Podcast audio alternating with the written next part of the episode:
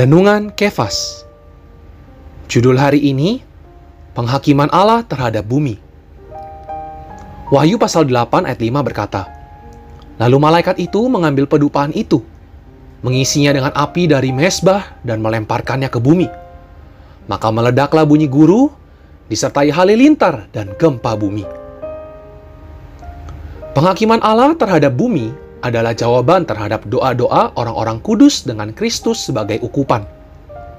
Pada akhir zaman, meskipun materai keenam telah dibuka dan ketujuh sangkakala siap ditiup, tidak ada apa pun yang terjadi sampai Kristus datang untuk mempersembahkan doa-doa orang kudus kepada Allah dengan dirinya sendiri sebagai ukupan.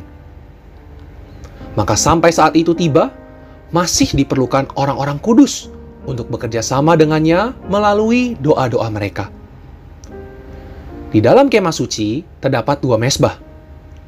Mesbah korban bakaran di pelataran luar dan mesbah ukupan emas di tempat kudus.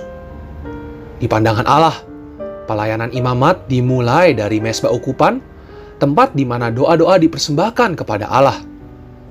Menurut diagram, tabut adalah pusat dari kemah suci namun, dalam pelaksanaan pusat sebenarnya adalah mesbah ukupan.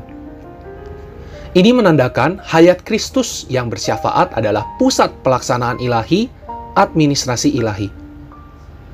Kitab Wahyu adalah kitab administrasi Allah yang mewahyukan tata Allah dan administrasinya di alam semesta.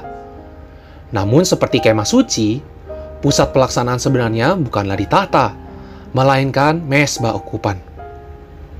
Sobat Kefas, Kristus muncul sebagai malaikat yang lain untuk melaksanakan administrasi Allah di bumi. Ia mempersembahkan dirinya serta semua hasil karyanya dengan doa semua orang kudus kepada Allah. Saat dia mempersembahkan doa-doa orang-orang kudusnya kepada Allah, dia menambahkan ukupannya kepada orang-orang kudusnya, termasuk diri kita. Terang hari ini, satu, Sudahkah kita menjadi orang-orang kudus yang mempersembahkan korban bakaran kepada Allah?